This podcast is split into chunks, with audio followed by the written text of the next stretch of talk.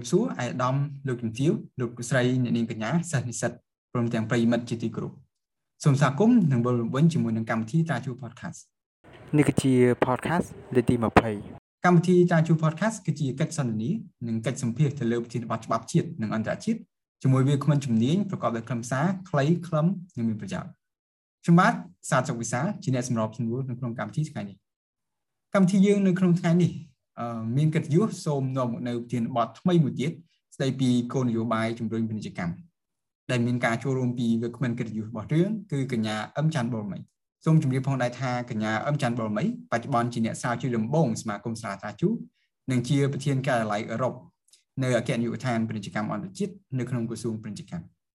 កញ្ញាអឹមច័ន្ទបុលមីសូមជម្រាបសួរបាទចាសូមជម្រាបសួរវិសាល អឺយើងឃើញថាបច្ចុប្បន្ននេះកម្ពុជាមានគោលនយោបាយពាណិជ្ជកម្មដ៏ច្រើនសម្បូរបែបមែនទែនហើយមិនតែប៉ុណ្ណោះនេះយើងក៏កំពុងតែបន្តអភិវឌ្ឍនៅបទដ្ឋានយុទ្ធក៏ដូចជាគោលនយោបាយផ្សេងផ្សេងដើម្បីជំរុញវិស័យនេះអឺប៉ុន្តែអ្វីដែលយើងបានជជែកគ្នាបំបញ្ញមិញហ្នឹងគឺតកតងជាមួយនឹងទស្សនវិជ្ជាទូទៅហើយនៅក្នុងពេលបច្ចុប្បន្ននេះអឺយើងមានកត្តាពិសេសគឺយើងស្ថិតនៅក្នុងបរិបទនៃ COVID-19 ហើយដោយសារតែជំងឺ Covid-19 នេះបានជាអត្តពលខ្លាំងណាស់ចំពោះវិស័យពាណិជ្ជកម្មនៅកម្ពុជាយើងក៏ដូចជាបណ្ដាប្រទេសផ្សេងផ្សេងនៅលើសកលលោកអញ្ចឹងនៅក្នុងនៃនេះតើនៅក្នុងពេលបច្ចុប្បន្នហើយនឹងសម្រាប់ពេលក្រោយពេល Covid-19 ហ្នឹងតើប្រទេសកម្ពុជាយើងបានរៀបចំនៅបទដ្ឋានកិច្ចយុទ្ធនិងគោលនយោបាយបែបណាខ្លះសម្រាប់ជំរុញឲ្យមានការងើបឡើងវិញនៅវិស័យសេដ្ឋកិច្ចនិងពាណិជ្ជកម្មនៅ ចាសូមអរគុណដើម្បីជំរុញសកម្មភាពពាណិជ្ជកម្មនិងពង្រឹងសក្តានុពលនៃជំទល់កំណើនសេដ្ឋកិច្ចរបស់កម្ពុជាធ្វើឲ្យរស់រវើកឡើងវិញរាជរដ្ឋាភិបាលកម្ពុជា គឺបានដាក់ចេញនូវវិធានការបន្ទាន់ម៉ត់ចត់ស៊ីជម្រៅនិងមានប្រសិទ្ធភាពមួយចំនួន ដែលរួមមានទី1គឺមានក្របខ័ណ្ឌយុទ្ធសាស្ត្រនិងកម្មវិធីស្ដារនិងជំរុញកំណើនសេដ្ឋកិច្ច កម្ពុជាក្នុងការរស់នៅជាមួយ COVID-19 តាមកន្លងប្រក្តីភាពថ្មីសម្រាប់ឆ្នាំ2021-2023ដែលបានដាក់ឲ្យប្រើប្រាស់នៅថ្ងៃទី16ខែធ្នូឆ្នាំ2021ខ្ញុំឃើញថាក្របខ័ណ្ឌនេះគឺបានរៀបចំដោយគណៈកម្មាធិការគោលនយោបាយសេដ្ឋកិច្ចនិងហិរញ្ញវត្ថុគឺរាជរដ្ឋាភិបាលកម្ពុជាយើងបានអនុវត្តកញ្ចប់វិធានការអន្តរាគមចំនួន10ជុំជាបន្តបន្ទាប់ដើម្បីជំរុញសកម្មភាពអាជីវកម្មនិងធុរកិច្ចព្រម ទាំងទំនុកបំរុងដល់ជីវភាពប្រចាំថ្ងៃរបស់គ្រួសារក្រីក្រនិងងាយរងគ្រោះផងដែរខ្ញុំឃើញថារាជរដ្ឋាភិបាលជាក់ស្ដែងរាជរដ្ឋាភិបាលយើងគឺបានប្រើប្រាស់ថវិកាប្រមាណ829លានដុល្លារអាមេរិកក្នុងឆ្នាំ2020សម្រាប់អន្តរាគមផ្នែកសុខាភិបាលសង្គមនិងសេដ្ឋកិច្ចរីឯឆ្នាំ2021វិញទំហំថវិកាគឺបានកើនឡើងរហូតទៅដល់1400ប្រមាណ1454លានដុល្លារអាមេរិក ចឹងការស្ដារក្របខ័ណ្ឌនេះដែរគឺនឹងផ្ដោតលើការស្ដារសេដ្ឋកិច្ចឡើងវិញតាមរយៈវិស័យសំខាន់សំខាន់មួយចំនួនដូចជាវិស័យកសិកម្មកសិឧស្សាហកម្មទេសចរកាត់ដេរនិងកម្មន្តសាមិនមែនកាត់ដេរជាដើមក្របខ័ណ្ឌនេះដែរគឺក៏ផ្ដោតទៅលើការធ្វើកំណែតម្រង់ដើម្បីកសាងមូលដ្ឋានសម្រាប់កំណើនពីបដកម្មនិងភាពប្រកួតប្រជែងតាមរយៈការចុះកិច្ចព្រមព្រៀងពាណិជ្ជកម្មសេរីក្នុងតំបន់ក្នុងតំបន់និងទ្វេភាគី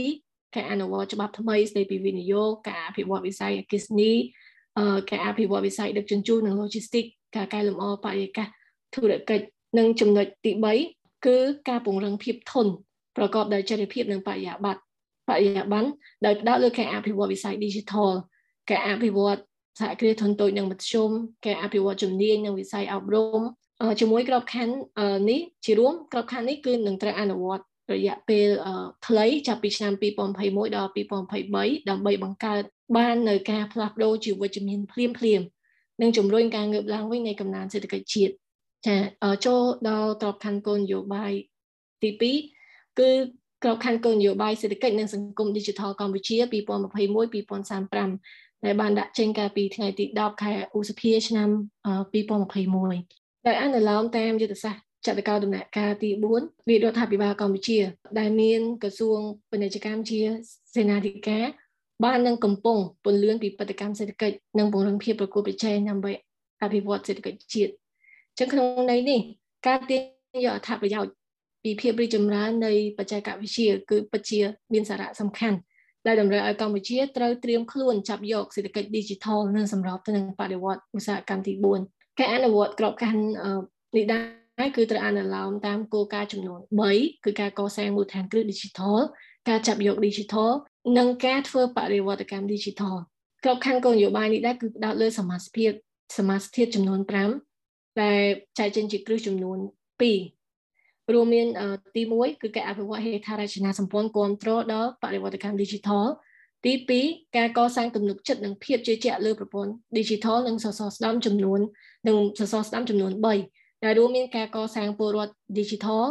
ការកសាងរដ្ឋាភិបាល digital និងការជំរុញធុរកិច្ច digital រីឯយុទ្ធសាស្ត្រទី3នោះគឺផែនទីបង្ហាញផ្លូវវិទ្យាសាស្ត្របច្ចេកវិទ្យានិងនវានុវត្តន៍កម្ពុជា2030ដែលរៀបចំដោយក្រមប្រឹក្សាជាតិវិទ្យាសាស្ត្របច្ចេកវិទ្យានិងនវានុវត្តន៍ហើយផែនទីនេះដែរក៏បានដាក់ចេញកាលពីថ្ងៃទី26ខែកក្កដាខែកក្កដាឆ្នាំ2021 យើងឃើញថាផែនទីនេះនឹងជួយដល់ការស្ដារសេដ្ឋកិច្ចព្រមទាំងការធ្វើបដិវត្តកម្មរចនាសម្ព័ន្ធការធ្វើពិពិធកម្មសេដ្ឋកិច្ចនិងការបង្កើនផលិតភាពផែនទីនេះនឹងជួយប្រែនឹងជួយធ្វើឲ្យកម្ពុជាប្រែក្លាយជាសេដ្ឋកិច្ចអតិពលកម្មទៅជាសេដ្ឋកិច្ចផ្អែកលើជំនាញរីឯយុទ្ធសាស្ត្រចុងក្រោយ គឺយុទ្ធសាស្ត្រការទូតសេដ្ឋកិច្ចឆ្នាំ2021-2023ដែល រៀបចំដោយក្រសួងការបរទេសនិងសហប្រតិបត្តិការអន្តរជាតិហើយបានដាក់ចេញកាលពីថ្ងៃទី18ខែធ្នូឆ្នាំ2020យើងឃើញថាយុទ្ធសាស្ត្រនេះគឺមានចក្ខុវិចក្ខុវិស័យក្នុងការពង្រឹងកិត្យានុភាពតាមរយៈការជំរុញនិងពង្រីក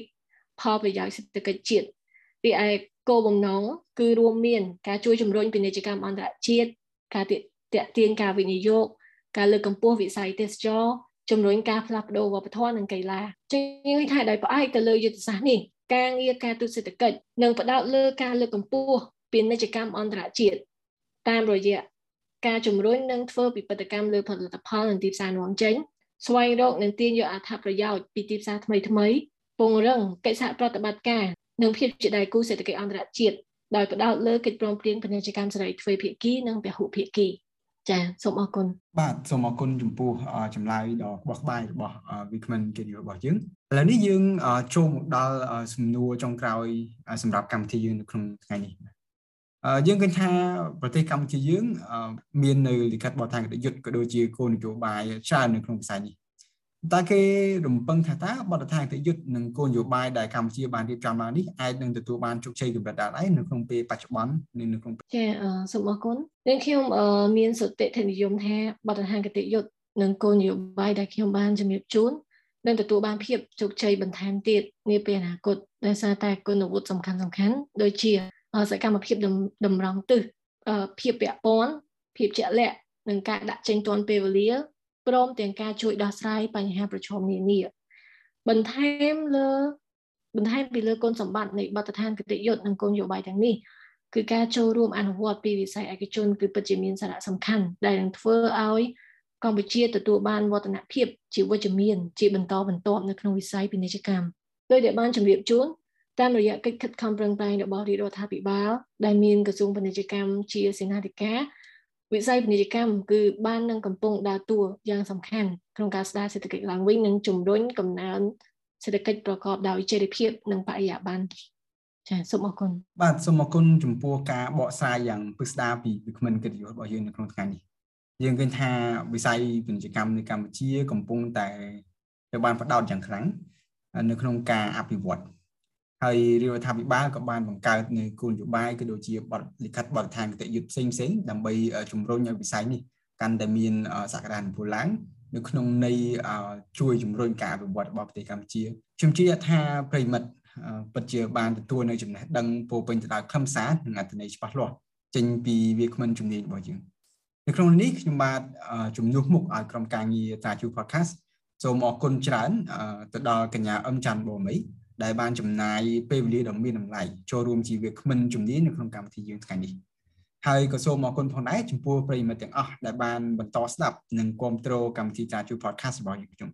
ក្រុមការងារសន្យានឹងវិលត្រឡប់មកវិញជាមួយនឹងប្រធានបទពេញនិយមដើម្បីបន្តសកម្មភាពរបស់យើងក្នុងការបន្តចែកចាយចំណេះដឹងច្បាប់ខ្លីខ្លឹមនិងមានប្រយោជន៍ជូនដល់ប្រិយមិត្តទាំងឡាយកម្មវិធីរបស់យើងក៏បានឈានទៅដល់ទីបញ្ចប់ អញ្ញាតឲ្យខ្ញុំបាទកញ្ញាអឹមច័ន្ទបរមីនិងក្រុមការងារលំអរកាយអរគុណនិងគោរពលា